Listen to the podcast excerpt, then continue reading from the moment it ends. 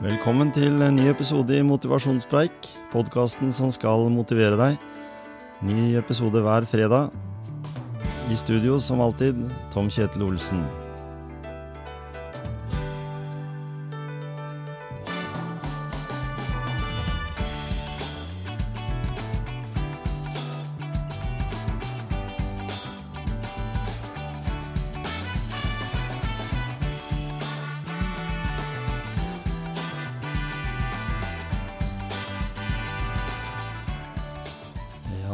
Motivasjonspreik.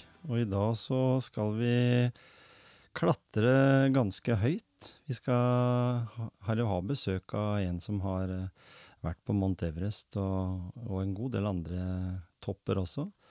Eh, velkommen til motivasjonspreik, Leif Harald. Velkommen. Takk for det. Du eh, har jo ikke gått aleine, da. Du har tatt med deg kona òg. Ja da, det stemmer. Eh, Tone og meg har opplevd stort sett det meste sammen, ja. Ja. Er det noe med det der at dere får en bedre relasjon som ektepar hvis dere, når dere gjør sånne ting? For det er jo mange forhold som har en del utfordringer, mens dere går på over 8000 meter. Det er klart, når du ligger sju-åtte uker i tomannstelt i, i fjellet, så blir man godt kjent, ja. Ja. Så noen sier at jeg skal reise en helgetur ned på en campingplass og ligge i tomannstelt igjen på liggeunderlag. Det er liksom, det er bare piece of cake for dere. Ja, det skal vi klare å overleve. Ja. Du er 62-modell. Ja. Eh, Du er jo da eh, i en alder som eh, mange begynner å vurdere å trappe ned litt. Du kan ta ut liksom eh, pensjonspakker og, og det som er. Eh, Kona er ett år yngre eller noe. Ja. Eh, Men dere gjør noe helt annet. Ja, vi har masse ambisjoner og mange visjoner framover. Ikke sant? Det har vi. En behøver ikke å bli lat bare fordi en nærmer seg pensjonsalderen. Nei, Det er jo da det må våkne. Da begynner virkelig livet å gi deg utfordringer og, og spenning. Ja, Altså, barn er flytta ut for lenge siden. ikke sant? Du har en frihet til å trene mye, du har frihet til å planlegge. Mm. Og bra med ressurser ikke sant? Så, Det det. i det landet vi lever i. Så ja, det er kjempespennende. Så nå, men når, når starta dette her, da? Du, øh, hvordan var Leif Harald som øh, ung gutt? Hvor Han- vokste du opp? Jeg vokste opp på Stridsklev, Mm. så jeg spilte fotball i Uredd. En liten tur innom Porsche. Eh, var prøvespilt i Aberdeen og PS Weindoffen i mine glansdager. Ja. Før jeg prøvde å slå salto på fjellet og ødela ryggen, og fikk da en knekk i forhold til den biten der, da. Mm. Så var det jo også bryting, så jeg var vel i, på landslagssamling i bryting og fotball samme uke. Den, Såpass. den jeg var, da jeg var på topp. Så du har det i deg? Ja, det har vært en del av livet mitt Ja, hele, hele veien. Uh, ja, men da har du jo på en måte en, en gode byggesteiner til å gå videre. Men, men sånn uh, til daglig så klatrer du jo ikke bare. Du er ikke profesjonell uh, Mount Everest-bestiger. du jobber i Posten. Ja, jeg jobber som distribusjonsleder i Posten. Ja. Ansvar for Skien, Ulefoss, Gvarv, Lunde og Bø. Så det er en veldig spennende jobb eh, der også. Det skjer mye i Posten, og det skjer mye bra i Posten. Så Ja, ikke sant? Og det var du, du, vil, du var en av de som ville at vi skulle ha alle postkassene på sånne fellesstativ, du. det var meg, ja. Husker jeg fikk et brev fra deg, nemlig. Jeg var kanskje ikke så populær da, da, men det er for å sikre arbeidsplassene til Ja, ja. buda mine. Så Og det har ikke vært noe problem, fordi det som har vært fordelen, bortsett ifra når det er sånn holkeføre, er at noen har veldig godt av å gå den der turen til postkasse. ja, det er det jeg prøver å si. Ja, ikke sant? Jeg tenker sånn, kan du gå 50 meter til postkassa di, eller, eller 20 meter, så er det også noe. Fordi det jeg jo egentlig er veldig opptatt av, det er jo en del av de elementene som, som dere vi skal snakke mer om. eh, Klatringa, turene, disse her ekstreme tinga dere har gjort, og, og produkter dere nå er i gang med. Men eh, i forhold til foredraget deres, så kommer jo, Det er liksom sånne ting som jeg eh, Det er sånn balsam for ørene mine, da, som driver motivasjonspreik, og det er sånn sette høye mål. Uh, og det er jo ikke gitt at alle gjør det, fordi det er noen andre som sier dette her at du skal bli en bedre, eller du skal bli den beste utgaven av deg sjøl. Det er blitt veldig populært. Det er blitt veldig populært. Kompani Lauritzen, ja. Ikke sant? Uh, men det å sette høye mål kan vel for så vidt være noe i samme gata, men litt eh, Altså, det gjelder jo alle. Kan sette litt høyere mål. Og da har jeg lyst til å vite hva tenker du om i høyere mål i forhold til hva? Riktig. Det er litt viktig. Mm. For mange, når vi har foredrag for bedrifter, da, store Mm. bedrifter, og vi har hatt kjempemange, altså 75 er sikkert i Oslo, og da handler det om det å sette så høye mål. Ja. Og så veien til målet, da. Ikke sant? Og ha delmål. For det opplever vi noen ganger at det, målet er ganske heftig og rått, mm. men veien dit er ganske uklar. Ja. Og det prøver vi å fortelle litt om, da, liksom, Ja. viktigheten av å ha noen delmål, og oppleve at man lykkes underveis. Mm. At det ikke blir sånn å, vi ligger etter skjema, vi ligger etter målet. ikke sant? At man justerer da. Er man ikke i mål med første delmål, ok, så justerer vi litt. Mm. Så jobber vi oss oppover til det rå målet der oppe. Mm. Så et godt eksempel er jo det med å ikke lykkes med mål, da. Eh, sånn som vi tok av Concagua første gangen, hvor da tonen ikke kommer opp. Mhm. Og så reiser vi hjem og evaluerer hvor er vi har bomma henne. Og, og sett på loggen på treningsdagboka ikke sant? i forhold til når det ble tungt, og hvorfor det ble tungt. Så viser det kanskje at vi har trent for lite med tung sekk. For vi jobber mye med tung sekk mm. når vi driver akklimatiserer opp og ned i fjellet. Så reiser vi hjem. eh, Starter ganske heftig regime på trening. Og så, så velger vi et fjell som er da 1000 meter høyere neste gang. Ja. Men da har vi lært så mye av den feilen vi gjorde på et fjell som var 1000 meter lavere, og trente ut fra det. Og så var det da Tone som dro teamet til toppen på over 8000 i Manaslu. Mm. Det var en heftig sak, Ja. men utrolig artig i etterkant å se hvordan man lykkes, evaluert, mm. og sett hvorfor og hvordan. Mm. Og det prater vi også litt om da, i forhold til det med å, å sette seg i mål, lykkes, og veien dit. da. Ikke sant? Kona di, hva jobber hun med? Hun jobber eh, ja, det er markeds... Eh, hva er egentlig stillingen? Eh, konsulent i Posten. altså Hun driver med studier da, Ja, på PIB-baner rundt omkring i hele Norge. Ja, så, så sånn som den delen av jobben deres, den går jo også mye på det der. Og altså, dere kan ta med dere erfaring gjennom jobben inn i den arbeidet dere gjør da, for å, som du sier, evaluere og, og, og lage en, kanskje en bedre, et bedre produkt da, Ja, neste gang dere skal opp på, på en enda høyere topp. sånn Mot jobben da, så har vi jo masse kopier vi blir målt på. Ja, ja. Så det er jo liksom veien og hvorfor hvordan det er òg. Så det, det er mye som mange relasjoner her, da. Ja. Eh, når, når du da tenker at eh, en må ha noen ambisjoner, det sier dere også noe om. Ja. Eh, Og det tror jeg alltid er viktig å ha noen mål, ja da. Mm. Så leve mot å ha noen mål, om det måtte være å gå til postkassa, holdt jeg på å si, eller Ja. om du, har, du skal nå det 100-millionerskravet. Mm. At man eh, er bevisst på målet, ikke minst. Mm. Og igjen veien dit, da, hva som kreves. da. Og, og det er jo sånn, jeg, jeg vet jo det, eller det snakkes jo mye om det nå, spesielt i disse her januartider, at Ja. folk skal komme i gang igjen, liksom, dørstokkmila og sånn. Mm. Så snakker vi om to faktorer innenfor motivasjon. Det er liksom motivasjon, og så er det den indre motivasjon. Ja. Det er ikke tvil om at dere har nokså mye av den indre motivasjonen i dere, fordi dere er programmerte til å dere, ja, dere vet hva som må til for at dere skal kunne sitte og diskutere en, eh, ny topp eller en guiding eller noe sånt. da. Eh, hva tenker du om at eh, dere da blir egentlig motivasjonen for andre? For dere har sjøl indre motivasjon, og så skal dere ha med dere noen på tur. Uh, og de, må, de blir jo motivert av dere, eller inspirert, men så er jo da motivasjonen deres utapå de i starten. Ja. Eh, er, gjør dere en så Jeg leste noen uttalelser fra noen som hadde vært med dere på tur, og dere går jo nesten inn i sjela deres med det produktet deres. Sånn at de, blir, de får en indre motivasjon, de også, for de vet igjen hva som må til. Det er jo en lidenskap for oss òg, Ja, å holde på med dette her. Og spesielt når vi guider til Everest Base Camp, mm. så er det en tur som ikke de fleste kan, men veldig mange kan. Det er Ja. jo en trekkingtur. Altså Høyden får vi aldri trent på hjemme, for den er jo mye høyere enn det vi har i Ja, ja. Men det derre å lykkes da, men de veit at vi liksom er helt der oppe. Mm. Og det med å være med oss inn og få alle historiene, ikke sant. Og leve med oss da, i den første fasen av en sånn bestigning. da. Mm. Ja, Vi merker det at eh, i etterkant at eh, det ja, de sitter med mye glede og mye, mye stolthet. Ja, og så bli, altså av- de dere følger opp eller er i kontakt med videre, eh, har de blitt merka noe av det? Har de fortsatt liksom å ha ja, lidenskapen for det? Altså for, for Hvis en kan være, vise lidenskap og entusiasme for en ting, så er det mye lettere å plassere over på andre mennesker også, og da har de fortsatt.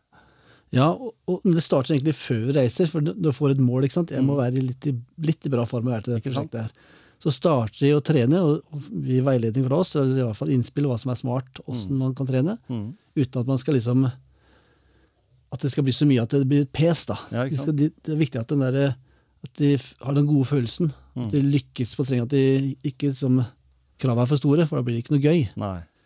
Og da når de har klart dette her, og, og, og blir med oss helt inn til basecamp, når de kommer hjem igjen da, så er det liksom i den bobla at det, det her var gøy. Jeg vil, jeg vil ikke ha noen fysiske begrensninger for noe annet i livet, liksom. Nei, nei. Og det prater vi mye om, det der med å ikke ha noen begrensninger ut fra sin vår alder, da. Så Ja. blir voksen i gåsetegn. Ja, ikke sant? Selv om eh, huet mitt er fortsatt bare 29, men det er jo en annen sak. så, Det er en god egenskap, da. men det er gøy, da. Ja, og når du da snakker om eh, forsakelser i forhold til det, dette, da. Hva er det du må forsake for å ha en sånn lidenskap for eh, høye fjelltopper, eller for å bli med på det? Du må i hvert fall forsake sofaen. Ja. Det er helt sikkert. Du må, altså, vi lever ganske planlagt, Mm. men vi trives med det. da. Ja. Jeg kunne ikke gått inn i den, det livet jeg lever nå for 20 år siden, for da var det liksom mer sånn hurra meg, og vi kjører på. ikke sant? Mens nå, nå må jeg liksom spise riktig, prøve å sove riktig. altså Komme meg i seng til en god tid. Skal jeg liksom være opplagt til alt jeg skal rekke i løpet av morgendagen. Så ja, er forsakelse. Jeg, jeg føler liksom ikke jeg forsaker noe heller. Jeg føler at jeg bare bruker døgnet riktig. Mm. Hvor mye sover du? Hvor mye må du sove, føler du? Jeg ligger nok på mellom seks og sju timer om natta. Det burde sikkert ligge mellom sju og åtte. Ja, ja, men det er litt med det at når han blir litt eldre, så trenger han jo, eller føler han i hvert fall ikke at han trenger så mye søvn, men i utgangspunktet så trenger jo kroppen like mye. Ja. Så. Så tror jeg at det, når man er så god form, da, så, så blir jeg liksom ikke så fort sliten heller. ikke sant? Nei. Jeg har liksom ikke behov for at Nei, nå kan jeg få jobb, nå må jeg slappe av. Nå må jeg en halvtime på kuren. For da, for da skal jeg jo på trening. ikke sant? Kommer hjem fra trening, så er det jo noe korrespondanse med Kina eller med Nepal i forhold til det vi holder på med. Og så er det noe med Ryan på Mountain Professional som eh, skal svares på. Eller så er det noe i forhold til planlegging av tur, eller så er det jo i forhold til planlegging av tøy. Ja. Og så har vi jo da starta sammen yngste yngstesønnen, så vi har noen tolv leiligheter som vi leier ut. Og så er det noen gulv som skal skiftes, og så er det noen vifter som skal skiftes, og så er det å fyke rundt. da. Ikke sant? Og så er jo barnebarn som jeg er veldig glad i, og ikke minst barn, da, så, Mm. jeg prøver å stille opp for så godt jeg kan. Men, men allikevel så får jeg ikke inntrykk av at du er i noe tidsklemme. Nei, jeg, føler, Nei. føler, føler ikke det. Nei, for det, det, er veldig mange, det mange unge familier nå, liksom, eller unge foreldre da, sier at det, de er i den der forferdelige tidsklemma fordi en eh, på en måte har ikke tid til å trene fordi det er så mye, og en har ikke tid til, Nei. en har ikke tid til det. Men, men det å spise sunt, leve sunt Vi har 24 timer i døgnet, så å sette en halvtime til en eller annen form for aktivitet eller trening, det burde de fleste få, få til. Og allikevel greie å sove egentlig sju-åtte timer. Eh, da har det med eh, å være godt forberedt. Disiplinen i hverdagen. Ja, det, Og den er jo tydelig at dere har, og du sa det jo her før vi satt på mikrofonen, at, eh, at, du, at dere har et ganske sånn eh, bra forhold til eh, mat. Ordna. Eh, blant annet så brukte dere matpakker også. Som kom, det er jo sånn som vi har tenkt her òg, ja. hjemme hos oss. Selv om det er bare oss to i huset nå, så er vi litt der vi også at eh, vi, vi liker god mat, men vi eh, på en måte eh, må gå rundt og shoppe altså disse råvarene. ja, og, og det er veldig kjekt med sånn som godt levert. da. Ja. Uten at jeg reklamerer for de, Jo, jo, men men det når vi setter oss ned på torsdagen, mm. planlegger neste uke, så er, jo, så er det jo så masse flotte retter som, som er nå, da. Mm. Så vi kan velge mellom av sunne retter og, og litt mindre sunne retter, Ja, ja. hvis man skal skeie ut litt. Og når vi får den matpakka da på mandags morgen, mm.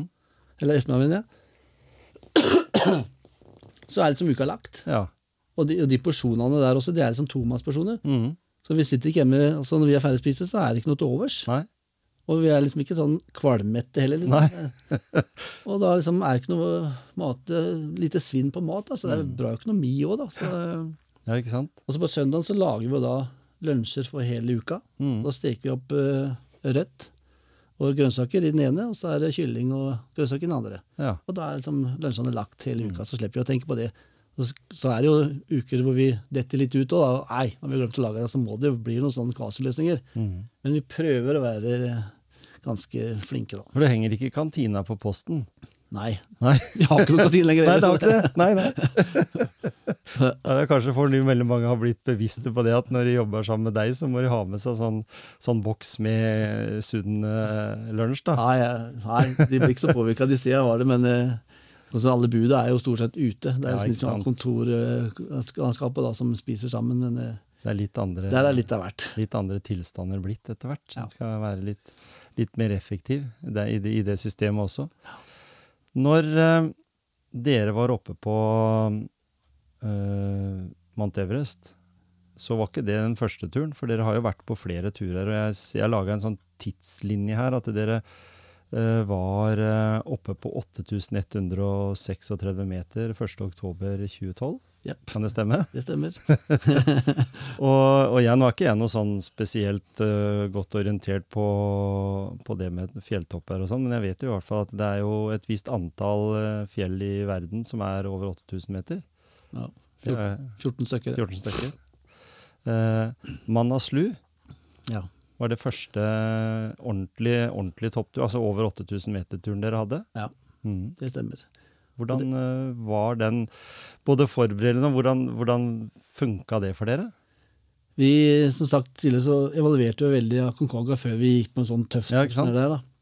Så det var mye hoppbakke under renn med tung sekk og, og mange knallharde økter.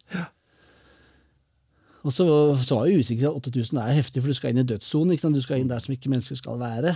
Selv om vi kobler på oksygen, så utsetter kroppen for utrolig mange typer form for trøkk da, som, som herjer og gir kroppen skikkelig juling. Mm. Så åssen vi vil oppleve det, det var vi utrolig spent på. Men uh, vi var fantastisk godt forberedt, så det gikk uh, egentlig utrolig bra. Hadde, eh, var det det at den var lettere å gjennomføre siden dere hadde den, som du sa her tidligere, den erfaringa fra Ja. forrige turen? Jeg tror ikke vi hadde klart Manaslu uten Konkogas erfaring. Nei, ikke sant? Nei, selv om det var en lavere topp. Så det, alt den, den planlegginga av det som dere tok med dere videre da, den gjorde at det var mulig å, å realisere. Så når dere da hadde vært på en sånn topp, da, eh, helt uavhengig, for det er jo, som du sa her, eh, utfordringer med vær, når du kan klatre, hvor du kan klatre osv. Eh, så var det sånn at når dere da kom hjem, eh, hvordan var følelsen da? Var det, begynte dere å planlegge en ny tur igjen med en gang? Eh, ikke med en gang, Nei? For det, det skjedde jo så mye der nede. Ja, ikke sant? Så, for det var jo mye trist som skjedde der nede. Så vi var litt rysta når vi kom hjem. Mm. Så det tok litt tid, men da, da visste vi at vi hadde helse og kropp til å, å klare en 8000. da. Mm. Og hva er neste mål da? liksom? Everest det var liksom sånn eh, uoppnåelig drøm egentlig før. da. Ja. Og så tenkte vi har vi det inne egentlig, liksom? Så ble vi veldig gira av det, og da ble jo dosene øka enda mer ikke sant? Mm. På, på trening. Mhm. Så 2015 så reiste vi første gang ned til Nepal for å prøve Everest. Men da opplevde jo det store jordskjelvet i Nepal, Ja. i basecamp. Det var det. Og da var det noen som skrev en avis som skrev 'Norske besteforeldre overlevde dødsdrama på Everest'. Det var førstesida av VG, det. Ja, Ja. Hele førstesida. Og Og de, de visste hva de skulle bruke. Besteforeldre, til og med. ja, Hva er i helsike er det besteforeldre skal gjøre på Mount Everest? skal selge aviser, vet du. Så det, ja, ikke sant? Men det var jo sikkert noen tilbakemeldinger på det. fordi dere er jo, i hvert fall som jeg har funnet ut, av verdens eldste ektepar som har vært på Mount Everest. Altså Så- sammen På toppen av på Everest. toppen. ja. Ja. Og Det er mange som har vært på Mount Everest, men det er liksom Det er mange faser i, i det fjellet. Ja. Mhm. Så er vi Norges første par, da. Om det er kjærestepar, samboerpar eller ektepar, så er vi første paret, da. Ja. I en voksen alder. Så? Det, i seg sjøl inspirerer jo veldig, da. Ja, for, for, for i, i dag så er det jo ikke noe som Som du sier, det, det settes jo ikke noen begrensninger. En har alle muligheter så lenge en er frisk, eh, har et greit hjerte og en har en fysikk og trener. For det er jo ingenting som kommer gratis der. Det er jo ingen så Tror jeg i hvert fall eh, Jeg ser jo sånn treningsprogrammet til Frank Løke blant annet før, før, og han kjørte seg jo kjempehardt, liksom. Og det ser jeg jo at dere også gjør. Dere er ute med bildekk og Ja. og, og tunge sekker. Og Ja, det, det- som det på en måte, dere må, dere må på en måte kjenne det på kroppen hva det egentlig vil koste å komme seg dit. ja. Og nå vet dere det for dere har jo vært på 8000 meter flere ganger. Og vi har jo funnet nøkkelen vår, da, mm. som funker for oss. Vi ser når vi klatra i 2017, da, når vi lykkes. Vi var jo seks klatrere i trappen. Mm. Eh, tre av oss kom opp. Og vi hadde hatt litt annet eh, treningsgrunnlag, da. Mm. Eh, to er jo maratonløpere, så kanskje da har trent mindre med tung sekk, uten at jeg har sett treningsloggen deres. Ja. Men altså, vi har, vi har funnet vår greie, i hvert fall, som vi veit at det, trener vi sånn, så er vi kjempesterke Mm. til det vi skal så, opp må i- så kamplikt som mulig, da. Ja, ja. Og da er det jo bare, som du sier, jordskjelv, eh, snøskred, Ja. eh, værforholdene som kan begrense det.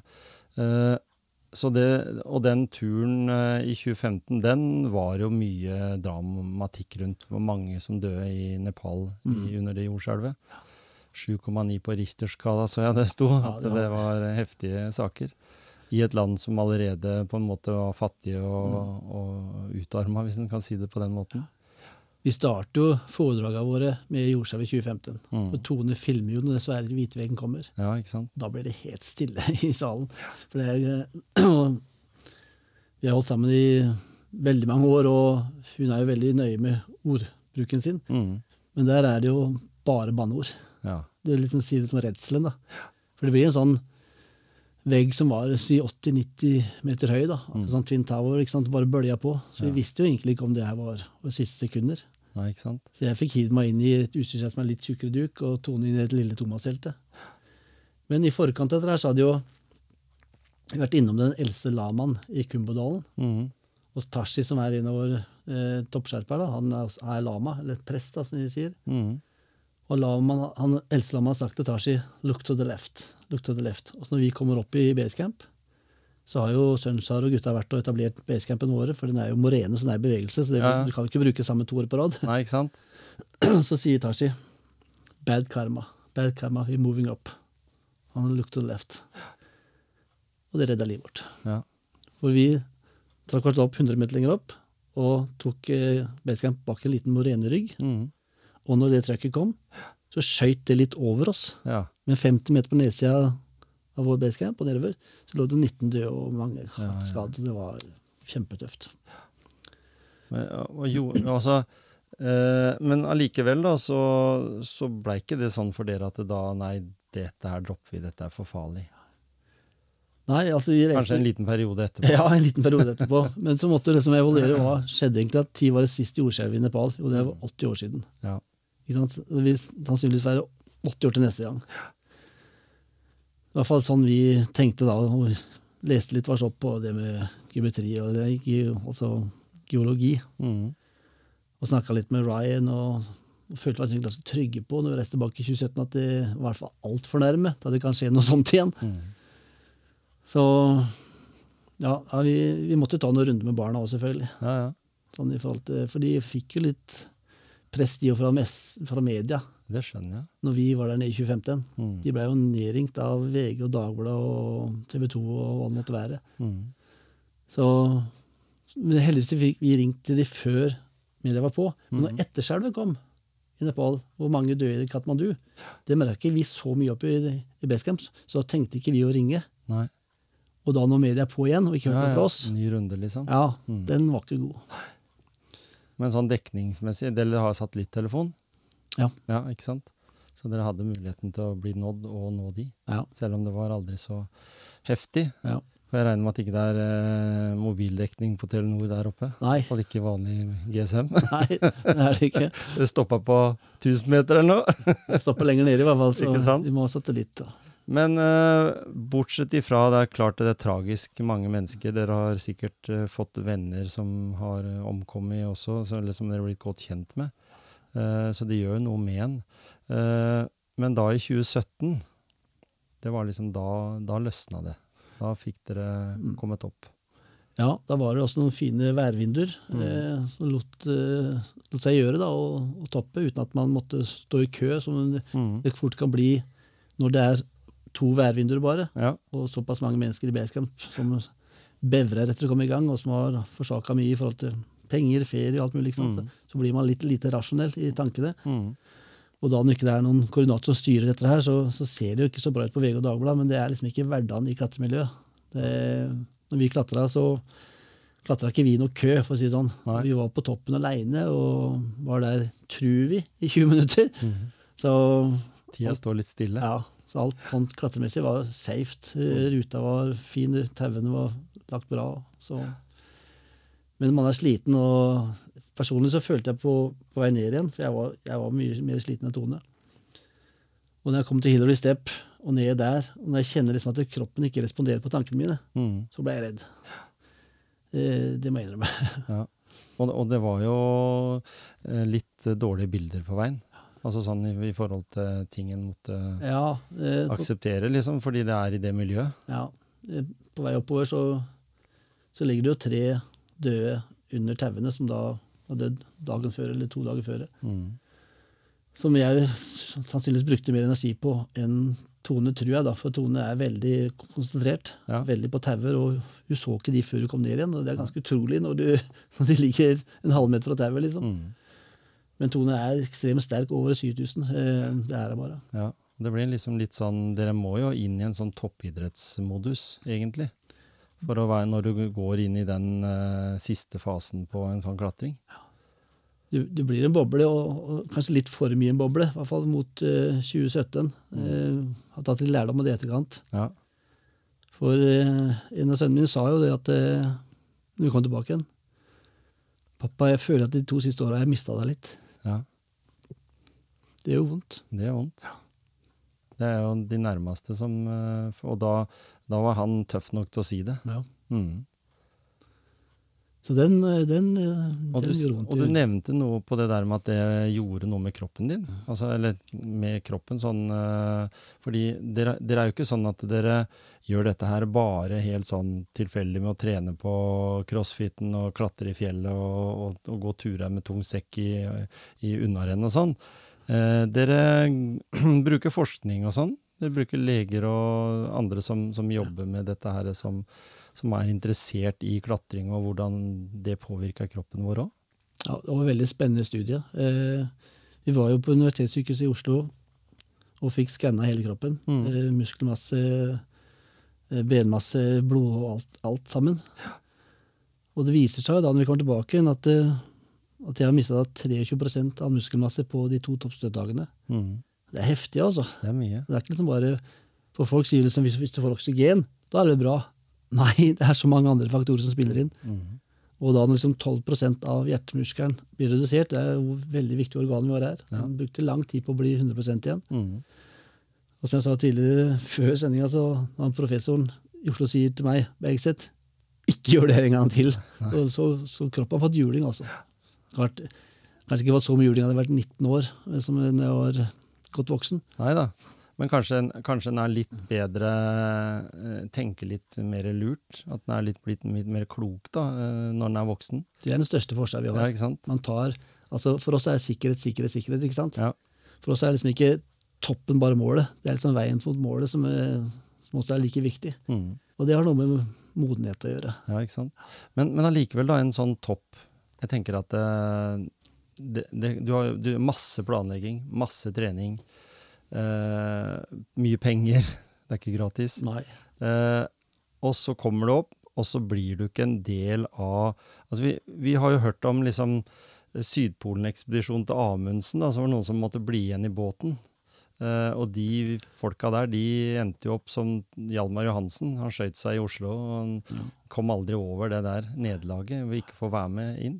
Er det litt sånn for de som Altså, det, dette her med at noen tenker denne, det blir den ene gangen for meg. Mm. og så kommer du ikke opp på toppen. Du blir liksom i siste basecamp, liksom. Der blei det igjen for deg. Ja. Jeg vet at det er noen som har slitt veldig med det. Ja. For du legger så mye av deg sjøl i potten. Mm. Som du sier, eh, masse sparepenger. Ja. Det er eh, virkelig kost, mye kostnad rundt det her. Ja. Du får noen samarbeidspartnere, men likevel så er jo gapet opp, kostnaden stor. Det er det som er. Og så kommer du hjem igjen, og så Ja, ja, jeg har vært på Mount Everest, men det har ikke vært på toppen. Nei, og, så er det sånn allikevel den forventninga av alle rundt deg. ikke sant? Ja. Du veit du skal ha, det prosjektet, da. Mm. Og så, så mye tid. ja, så lykkes du ikke av forskjellige årsaker. Altså det, det handler litt om stang inn og stang ut. Ja, ja. Den dagen toppstøttet går. Ikke sant? Så vi to kunne vært i like god form, men Mm. dagen før oss hadde jeg fått i meg litt mer næring enn deg. Ja. Så det er så små marginer som gjør at eh, jeg lykkes, ikke du lykkes. Mm. Så nei, det er knallhardt. Det, selv når vi i 2015 har reist hjem, da. Mm. Det var jo en naturlig årsak, ikke sant. Ja. Med jordskjelv og hele isfallet hadde jo kollapsa. ikke sant? Stiger hadde ødelagt, og det var ikke noen tauer eller noen ting. Og Nepal stengte fjellet. vær med det. Mm. Så det var jo lettere å akseptere, da. Ja, ja. Det var ting du ikke kunne gjøre noe med. Ja. Men Eh, klart kommer opp til camp 3, camp 4, og av forskjellige årsaker deg, da. mm. Så skjønner jeg at det må være knallhardt. Men hva, hva er det som er, hva er, som er gyldig grunn, eller hva som gjør at eh, noen ikke kommer opp, andre ikke, bortsett fra været? Nei, altså kroppen sier stopp. Mm. Altså man orker ikke mer. Eh, Man eh, absorberer ikke oksygen like bra, kanskje. Nei? Så man føler ikke man får sy- systemet til å fungere, og man blir redd. Man begynner å fryse, Får i seg lite mat? ja, Mm. som er vanskelig i seg sjøl. Ja. Og og åssen er det med det som vil ut av kroppen igjen nå? Altså, er det sånn at du i en sånne høyder får diaré, eller at kroppen tapper seg med mye energi og sånn? At den ikke har helt kontroll på det, eller? Ja, spesielt i basecamp eh, er det et problem. Mm. For eh, alle kommer med sine bakterier. altså Det er derfor vi prøver å liksom bare holde oss til vår lille gruppe. Mm. Selv om vi kjenner mange, og det blir liksom mer halv opp på avstand. Ja. For eh, Japanerne kommer med sine bakterier, ikke sant. Eh, Australierne kommer med sine bakterier. Også hvis vi begynner å blande dette her og klemmer og forteller og har litt ålreit, Mm. så blir det fort noe krasj med skikkelig mavesjau og Ikke sant? Og, Ja. og mye som ligger i basecampen eller i området fra før òg, som har vært eh, fra tidligere turer. Ja, ikke så mye av det, egentlig, for det er veldig altså folk, altså folk leser at det er så skittent og det er så mye øh, ja, Det ligger igjen så mye, da, Ja, ja. og, og det er ikke riktig. Nei. Det som, det som har vært utfordringa, er at det, når jordskjelvet kom i 2015, Mm. så sprang jo bare folk ut omtrent, for de var jo livredde. Og da blei det jo liggende en del igjen. Og så var jo da eh, store grupper oppe, Mm. nepalesere, og satte trær i store sekker og få samla det. Mm. Så kom det et skikkelig uvær. Så de måtte, bare, de måtte også komme seg ut. Og da har disse der eh, store sekkene med soveposer, oksygenflasker, Ja, matrester og alt mulig, gått ned i isen. Mm. Og så kommer det opp om to år, om ett år, Ja, ja. om ti år. Mm. Så det sliter litt an. det, altså det liker jeg media bruker som bilde. Ja, spesielt norske medier. Det, er liksom, norske medier er spesielt opptatt av det. Ja. Vi snakker med andre, for vi vi klatrer med folk fra alle nasjoner. Mm. Og der handler det mer om hvem som har lykkes, og hvor flott det er, og som var bragden, da. Mens norske medier er liksom se på køen, se på søpla. Mm. Og så er det liksom ikke det som er klatringa. Altså, det er så mye annet enn de små elementene der, da. Og det er en merkelig norsk greie. Det er fordi de skal gå på, ut på den her eh, prekestolen i kø, og de skal på sånne steder. Så vi sånn er vant til det der køgreiene, så skal de liksom eh, kopiere det. Og Ja. Vi er jo opptatt av været mer enn noen andre, enda vi har jo veldig mye vær. Så det Ja, er veldig ja. rart at det, det, det blir sånn. Eh, hvor mye trener dere i uka? Eller sånn en normal treningsdag? Eh, ja, Det kommer litt an på hvilken fase vi er i, men sånn generelt så trener vi i hvert fall fem-seks ganger i uka. Mm. Og så er det veldig variabelt. Vi trener mye på crossfit. Vi har jo møttes jo der. Ja, ja. For der jobber vi mye med sånn core stability. ikke sant? Så lenge vi er, jobber mye tau, Mm. så jobber vi med kettlebells, og da blir vi sterke der vi er sterke, uten at det skal være så mye volum. Mm. For uh, muskler trenger oksygen, Ja. og ofte der vi er, er ikke så mye oksygen. Det er mer drass. Du, du skal være sterk, men du skal være litt mer sånn senesterk, nesten. da. Ja, ikke sant? Ja. Så igjen, trene så kamplik som mulig. Og så er vi i faser da, hvis vi det Denali i, i juni som kommer, så må vi trene mye med eh, tung strekk og dekk. Mm. For der må vi dra med pulk inn til fjellet. Vi må repakke og, og klatre oppover. Mm. For det er neste prosjekt. Ja. Og hvor høyt er det? 1,63, så det er ikke noe så kjempehøyt, men det er bare grisekaldt. Ja, ja, ikke sant? Det er ikke noe teknisk vanskelig, men det er en utfordring på sin andre måter. da. Mm. Hvis du får minus 35 inn i teltet, liksom, og så skal ut i en litt vind da, så er det heftig. Da er det 60 med en gang. Ja, Men, men da, så, så Mount Everest er liksom sånn øh, dere, er ikke, dere har ikke noen prosjekter som sier at dere skal på toppen igjen der nå? nei. Eller? Nei. Ikke sant? Dere har gjort det. There, done that, Ja, det. Men vi er jo inne i et Seven Summit-løp. Ja. Som verdens et ektepar til å klare Seven Summit, da, som Mm. er som et mål vi har. da, Om vi klarer det, om vi får kapital til det. Det er nesten det siste som er den største utfordring. For liksom ta Sydpolen og Winston, det er, liksom, det er noen kostnader som er av en annen verden. ja. Så vi må ut på sponsormarkedet, og så er det litt sånn vanskelig, for de, de fleste sponsorer vil jo ha unge fremadstormende, ikke sant? Mm. Mens vi prøver å fortelle at det, hvor ligger ressursene? Hvor er de ressurssterke menneskene ligger? Og det er vår alder. Mm. Det er de som har kjøpekraften. Ja. Så noen har skjønt det, da. ja, ikke sant? Og, og det er viktig å tenke oss at øh, det Altså, øh, du nevnte litt på faktisk en kolleksjon som dere kom med. Kom med eget ulltøy. Ja. Eh, og da snakker vi om eh, Altså, en kan jo nevne liksom, ja, hvor mye koster det, hvor mye koster det, skal du selge det på XXL, skal du selge det der? Så, men pris i seg sjøl for en som vil ha det beste, er jo ikke opptatt av det. Altså Hvis du vil ha den beste jakka, eller du vil ha den beste turen, da, eller du vil ha, så er jo liksom pris det er jo ikke prioritert på samme måte som hvis du skal ha med hele familien på en pakketur til ja. Mallorca, liksom. Ja. og, og det merker vi i alle foredrag også, for når, liksom, når folk kommer bort til oss etterpå Mhm. Hvilket tøy bruker dere? Ja, De spør aldri hva koster det. Nei. Hva koster den genseren, hva koster den uh, ullgreia, eller det, hva, hva, for, hva, hva sier dere, hva mener dere er best? Mm. Ut fra det så har vi nå liksom vært enig med på hva vi har på oss. da. Det er derfor vi har også utvikla det produktet vi, som jeg sitter med her nå, ja, ja, ikke sant? som nå kommer for salg om eh, forhåpentligvis ikke altfor lang tid. Nei. Skal dere ha egen nettbutikk, eller Ja. det Eh, Og så skal vi teste det ut i noen sportsbutikker. og så Ja. vi mange tanker der videre. Men Ikke eh, det første prototypen er jo her. Mm. Det er jo en morinoull Ja. fra den, en av de beste farmene i Australia. Og de beste spinneriene. Mm.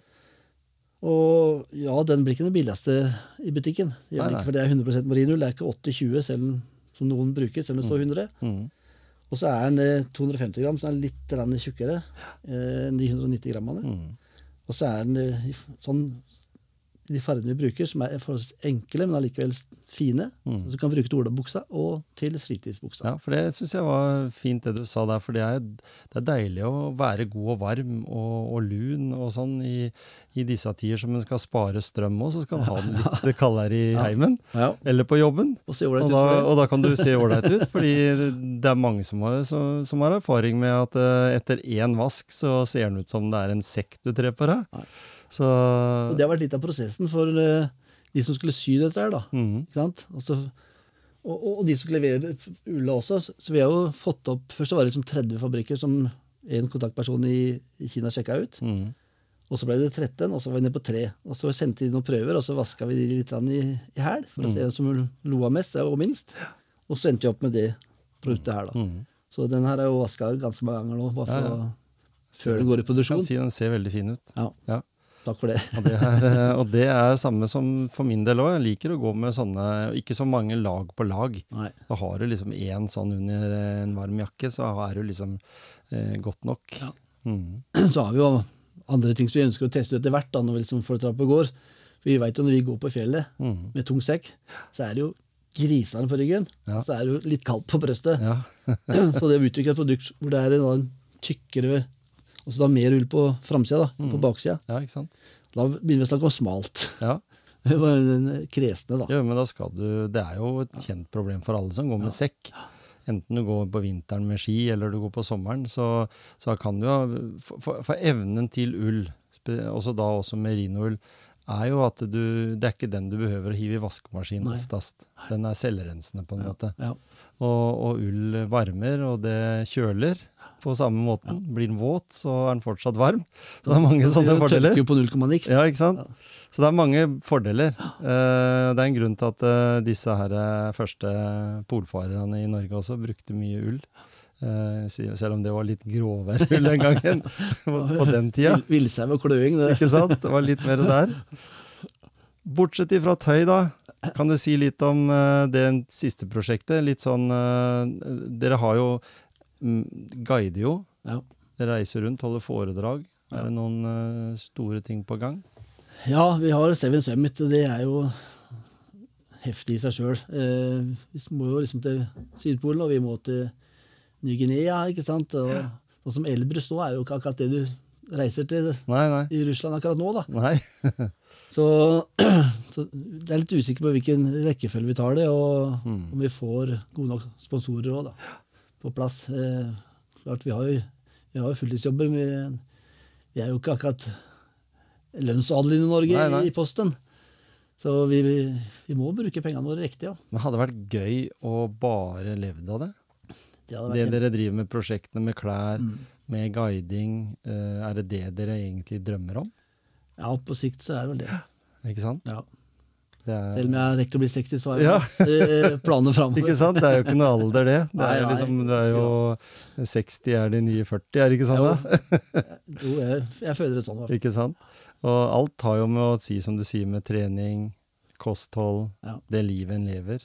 En kan nyte også uten at en nødvendigvis bare har fokus bare på, på trening, men en kan jo nyte også eh, hverdagen. Altså, for dere er vel opptatt av det? At dere tar dere noen sånne gode Vi, Dere har et sosialt nettverk, og dere har mennesker som dere liker å, å nyte livet med òg? ja, absolutt. Vi, vi prøver å være bevisste på det. Ja. Og skeine til Oslo og innimellom på, på Latter eller gjøre Ja, ja. noe sånt som er noe helt annet. Så dere ikke blir de raringene der som Nei, aldri er med folk? De, særingene, ja. Ja. Nei, vi, tilbake til det med crossfit nå, ikke sant. Mm. Trening der, jeg synes det er kjempegøy. ja. Klart, også når du da tar vekter som ungguttene sliter med, så blir jeg jo litt barnslig, ikke sant. Mm. Ja, ja. Så det, blir jo mer, enda mer inspirerende Ja, ja, å stå på mer, da. Så Jeg må jo si at eh, jeg har jo trena på alle mulige senter og vært eh, aktiv på mange måter. Og syns det var en veldig grei treningsform, eh, og likte senterstrukturen, da. mm. Litt sånn eh, du, du har litt eierskap til det. Du kan ta deg til rette Så det blir det så godt samhold der. Så det, blir sånn, eh, det er litt sånn back to basic, egentlig. Ja, ja. Hvor mye har dine eh, si, ambisjoner, din motivasjon eh, Hvor mye har du inspirert eh, barna dine? Ja, Det er vanskelig å si. Ja, men kan, hva vil de, alle hva vil de er i hvert fall fysisk god form. Ja, det er helt sikkert. Så er det veldig forskjell på hva de syns om det vi holder på med også. Mm. For vi har jo vi har jo treffet i voksen alder, så vi har jo vært vårt kull sånn sett. Ja. Men de er veldig like i alder. Mm. Så sånn som på Manaslu, så som reaksjoner Når kommer dere hjem? sier det en. Når går dere opp? sier den andre. ikke sant? Ja. Eh, men de er veldig samstemte nå på at vi skal følge drømmene våre. Mm. Det er liksom eh, blitt eh, den hvert fall en konklusjon nå, da. Selv om eh, når vi reiste til EVS i 2017, så var jo ikke alle syntes det var så kult Nei. igjen. Nei. Men samtidig så nå er det veldig sånn opptatt av at det, det er viktig at vi følger drømmene våre. Ja. Jeg vet at sånn For deg da, så vet jeg at eh, pappa han er eh, strukturert, og han tar sikkerhet veldig alvorlig. ikke sant? Så, sånne elementer som en vet. Ja. Den reiser ikke opp som en bajas. Sånn. Nei. Og det tror jeg også er en grunn til at det er veldig få norske som dør på Everest. Ja. For vi, vi kan fjell. Mhm. Vi er veldig opptatt av sikkerhet, sikkerhet. ja. Og vi kommer godt forberedt. Jeg har jo sett uh, indere som trener på å ta på seg stegeren i basecamp. ja. Altså, I India så er det veldig mange nyrike, mm. og så er det veldig status å beskrive Everest i India. Har gjort sånne ting. Ja. Mhm. og ha det på CV-en. Og jeg tror nok halvparten av de som dør på Everest, er indere. altså. ja. Så det er mange spesielle historier fra det, for eh, det var jo et eh, politipar, eh, kone og mann, Mhm. Som besteg eh, Everest og kom hjem da til byen, og de blir jo kjørt med kortesje gjennom byen ikke sant? med åpen Cadillac og sitter bak og vinker til alle. og så er det jo en amerikaner som ser det der toppbildet. Det var jo hans tøy. Oh, ja. Så de har photoshoppa sine ansikter inn i et toppbilde for å, ikke for å lykkes. da. Ja, ja. Og det her ble avsluttet. ikke sant? De mista jobben og alt mulig. Ja. Så det sier litt om det der Hvor, galskap hvor det kan være, da. Ja, hvor status det, Ja. det er, ja. Ja. Spesielt for en del altså, Det er jo status her òg, men du, dere blei ikke tatt imot på flyplassen eller, eh, Eller- eller på togstasjoner hvor dere kom hen. Robin Koss sto ikke med Nei, ikke sant? Så, og det er jo litt synd, fordi det er jo en prestasjon som er liksom Det er ikke gitt at alle gjør det. I dag så, så, så er det jo mye lettere å gå på tvers over Hardangervidda, er det noen som gjør, og får anerkjennelse for det. Og så går du på, over på Sydpolen, og så blir det veldig sånn. Men akkurat det å være i en sånn type Altså nære døden-opplevelse, for det er jo det. Ja, dessverre. Det er jo en nære døden-opplevelse. Uh, og når du den derre uh, Når du kom på en sånn topp, det har jeg alltid lurt på eh, også, Dere er jo ikke aleine. Jeg så, så et bilde da det var tatt med en sånn, eh, sånn selfiestang. Ja. Eh, og han som står liksom med den selfiestanga sånn jeg, Hvis jeg kikker opp sånn jeg står på Breviksbrua, så, så tror jeg jeg holder på å ramle ut. Hvordan, hvordan er det? Det er ikke så stort. Nei, det er Altså ikke det det. området du er på der, og du ser liksom eh, Det var klarvær den dagen, Ja. så, så du så, så liksom ekstremt langt. Det. Det som er veldig spesielt, er at du ser at jorda er rund. Ja, Da er det høyt oppe. ja. Og tenke på den hastigheten jorda går rundt i, da, oppå det toppen der, Ja. altså, sånn, og ikke ramle. Ja. Det er sånn 2500-3000 meter ned på hver side. Ja. Det er jo det er, begrensa hvor stor den toppen er. Ikke sant? Så det er liksom der fokusen hele tida arbeidsoppgaver har vært eh, stedet. Og så veit vi jo at 80% av de som eh, dør på Everest, de dør på vei ned. Ja, det var det jeg skulle fram til òg. Ja, At det er nedturen ja. som er verst. Så det veit du jo. ikke sant? Det har jo Rein prenta i huet vårt 18 ganger. Så du, du er liksom ikke med armene i været der oppe, for du er konsentrert. altså Du veit at det, ja, det har vært tøft opp, det blir kanskje enda verre ned. Og hva er det som er årsaken? Altså, er det Det er eh, Ofte så går man tom for oksygen. Ja. Det handler om at man har blitt litt rasjonell der oppe. Man ser i flaska at man har to, timer- to timer igjen med oksygen, mm. og så er det halvannen time til toppen. Det går jo fint. ja. Ja, du skal jo ned igjen, ikke sant? ja, ikke sant? Så går du tom for oksygen. Eller setter deg ned fordi du er så sliten, mm. og så fryser du i hjel. Ja. Eller man er så sliten at man, man, når det er taufester, da, mm. så skal, må du koble over til nytt tau, ikke sant? Og da må du jo ikke koble av den ene før den andre er på. Nei. Så du må alltid ha en karabin eller en jomar på, da. Ja. Og skal når man da er sliten og ikke rasjonell, så glemmer man det, og så, idet man da løsner andre, Mm. så, så sklir man, og så detter man da 2000 meter ned, så er man jo borte, selvfølgelig. Det er de tre største faktorene, da. Mm. Og, og da, derfor så har jeg jo sett på dokumentarer at de setter ut oksygen. Sånn. Depoter. Ja. Depoter, ja. ja. Så en får litt hjelp til det. Det som har blitt litt av trenden nå etter pandemien, er at eh, man bruker mye mer oksygen. Mm. Litt eh, fordi at det var, da var det jo som to år hvor det var nesten ikke inntekter i Nepal. Nei. Så man ønska å, å fordele pengene på flere. At det er flere toppskjerper, Mhm. flere guider. Og da mer krefter til å bære opp mer oksygen. Ja. Så se Frank Løke og disse der nå som har liksom dobla den dosen vi brukte. da. Mm. Så sier jeg ikke at det er så mye lettere da, men det er litt, Litt enklere. litt bedre med å få har- mer oksygen til gjennomstrømming. da. For, for hvis jeg tar av meg den maska på 8000 meter, så Ja, Da blir det som å puste gjennom et tynt sugerør. Ikke sant? Det er det. Ja, ja. Uff, nei, det høres ikke fristende ut.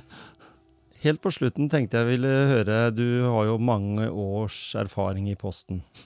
Som er en av de eh, institusjonene i Norge, hvis en kan kalle det det, som fortsatt, fortsatt fins. Ja. Både Posten og, og Bring er vel samme familie, er Ja, ikke det? jo. uh, så tenkte jeg, du har jo gjort dine bragder. Eh, kona di, ikke sant, det samme. Eh, bruker du noen elementer av den lærdommen du har tatt gjennom å være en god leder? Jeg håper det, men det burde kanskje de ansatte svare Jo, jo, men det, det er jo greit å for du, du tenker vel sikkert litt over også, fordi i forhold til at eh, nå har jo Posten, som veldig mange andre sånne statlige, vært igjennom omstruktureringer og det ene med det andre, så, så du vet jo at eh, de gutta og jentene som er ute i felten i dag, de er litt færre av de, og så har de litt andre arbeidsoppgaver, og Ja, det, det skal jeg love deg, det er blitt stor forskjell. Det er masse omstillinger og tøffere og tøffere krav. Altså, Mhm. Du skal jobbe smartere, ikke sant, som lure, ikke sant. Noen av de er jo dritlei å høre de orda der. Ja, ja. Men altså, vi har klart å snu skuta egentlig veldig bra. Eh, Ja, adresserte posten går ned. Men vi er flinke til å få inn alternative inntekter. altså Pandemien var jo, ble jo en vinner. Mm. Folk bestilte jo så mye hjemmefra. Ja, Alle ble jo flinke til å bestille på nett. Selv min alder ble jo flinke til det. ja, ja. Så vi har hatt en voldsom vekst på pakkesida. da, Så kvaliteten vår er jo ingen som matcher. Mm. Nei. Så heldigvis så har kunden oppdaga det. Mm. Så vi, vi, var, liksom, vi var veldig skeptiske eller engstelige eh, for noen år siden, men nå, altså, nå er optimismen stor i Posten, og ja. det er en kjempearbeidsplass, egentlig. Små, mellomstore og store pakker de kommer til tida med Bringvet og Posten. Ja. I motsetning til mange av de andre selskapene. Jeg venta på en pakke her fra UPS. Den skulle vært her eh, 21.12. Har ennå ikke kommet. Nei, ja. Det er ikke noen du får snakke med der, vet du.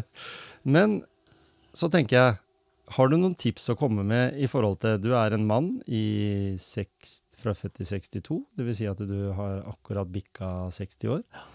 Eh, og menn i vår alder, da, i, som, som liker å trene og holde seg i form. uh, du sier du trener på crossfit. Uh, er det noen andre måter å, å holde formen opp for? Vi har om ikke tidsklemma, så har vi liksom satt av en time, to til trening. Mm.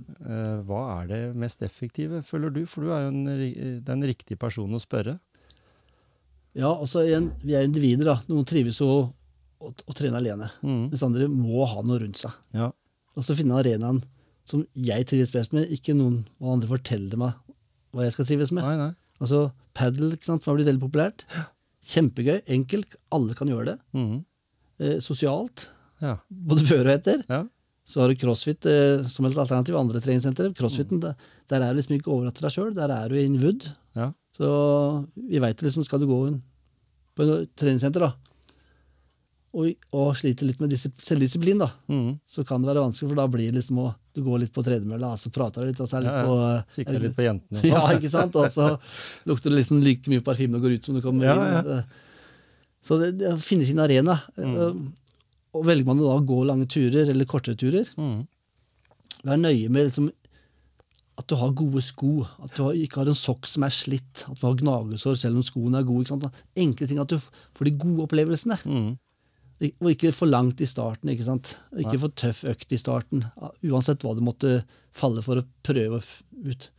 Men igjen, finn din greie. Mm. Toppturer, funker det? Ja, altså Vi har jo så masse rundt oss her. Ja. Fjæring, altså vi har, Det er toppturer overalt. Mhm. I forskjellige varianter. og Til alle, alle mulige former. Ja, egentlig. alle. Ja, og lysløyper og så Det er, det er liksom alle muligheter her. Mm. Gren er flott altså, i forhold til treningsmuligheter. Både Det gjelder treningsarenaer, senter med padel og, som popper opp nå, som jeg har prøvd sjøl, eh, som, som er veldig gøy. Ja. Og Den ene sønnen min har jo padelsenter, da. Ja, ja. Og den andre sønnen har crossfit-senter, så det er jo kanskje naturlig at jeg havner de to plassene. ja.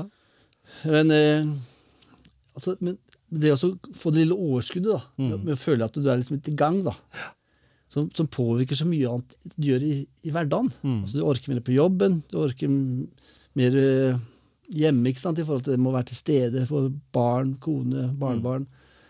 Du er ikke så mye sliten, og det, det, det lille overskuddet, og det skal ikke så mye til. Nei.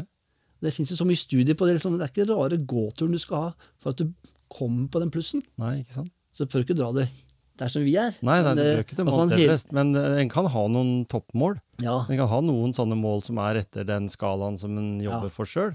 Og noen delmål som ikke er heftige, som er helt overkommelig. Ja. Og så får man den godfølelsen, og så er det lettere å ta neste steg. Mm. Be og be behøver de her eh, på en måte de høye måla være hårete? Nei, overhodet ikke. Nei. Altså, altså, det å kunne gå til Veløs, da, Mm. kan jo for noen være ganske hårete mål. Ja. ikke sant?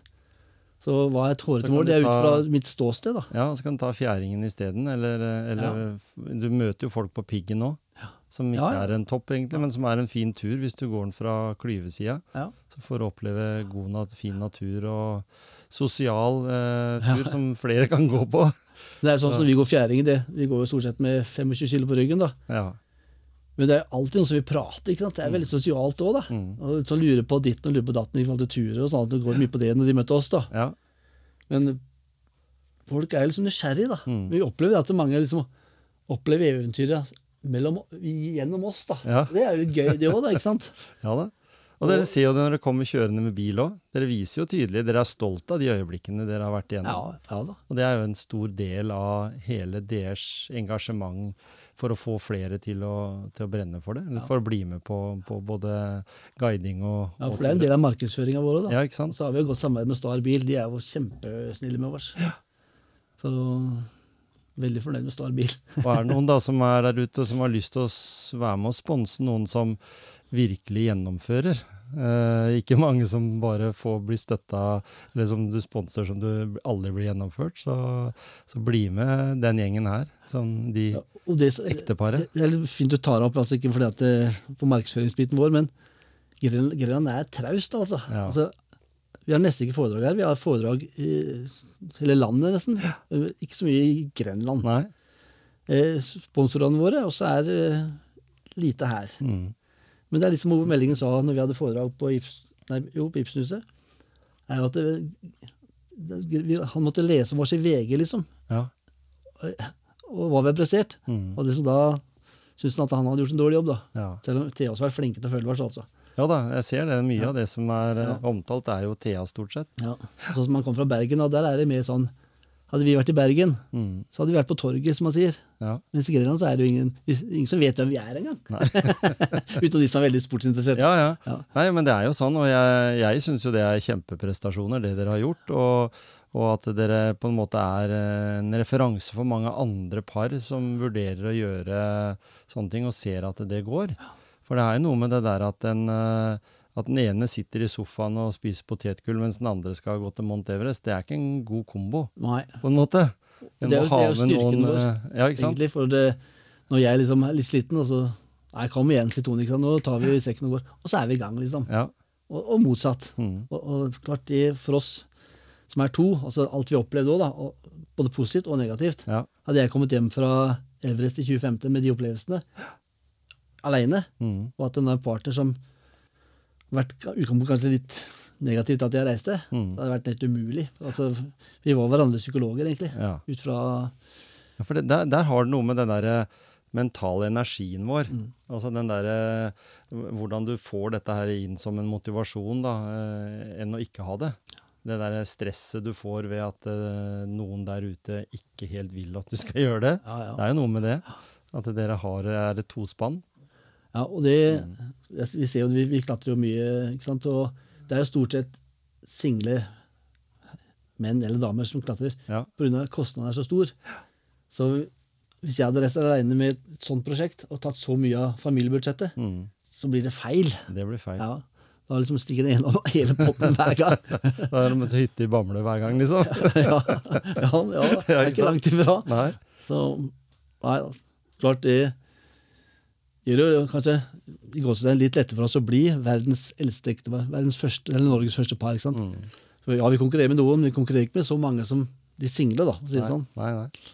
Så det er det vi prøver liksom å markedsføre òg, da. At, eh, ja, det er mulig det vi presterer sammen. og Nemlig. ja. Veldig bra at du hadde lyst til å komme hit til motivasjonspreik. Og jeg tenker at eh, vi må følge opp dette her, fordi når dere har vært igjennom neste bragd eh, nå til sommeren, så må vi jo få høre litt åssen det har gått. Ja. Og kanskje nå når du får vært med på podkast, og det, har ikke vært, det har skjedd ofte, det at den, når en går herfra, så tenker en åh, det var så mye mer enn ja, skulle ha sagt. Nå har vi bare scratcha litt på overflata. Det er det har.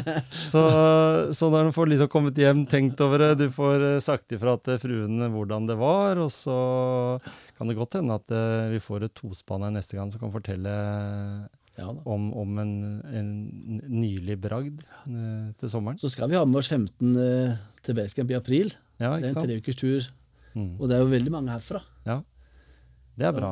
Så Så for de som er der ute som eh, skal være med på tur, så god tur, kan jeg si. og tusen takk for at du kom. jo, takk. Takk for at du kom med.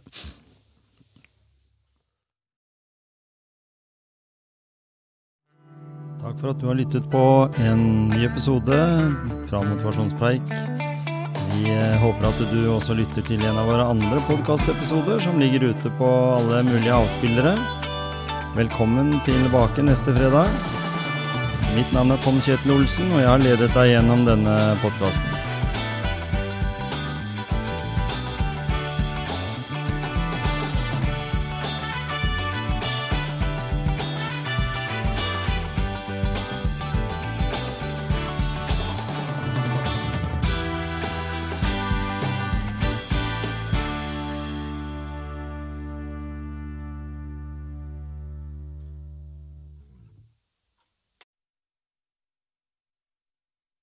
Dette er en podkast fra Podvork.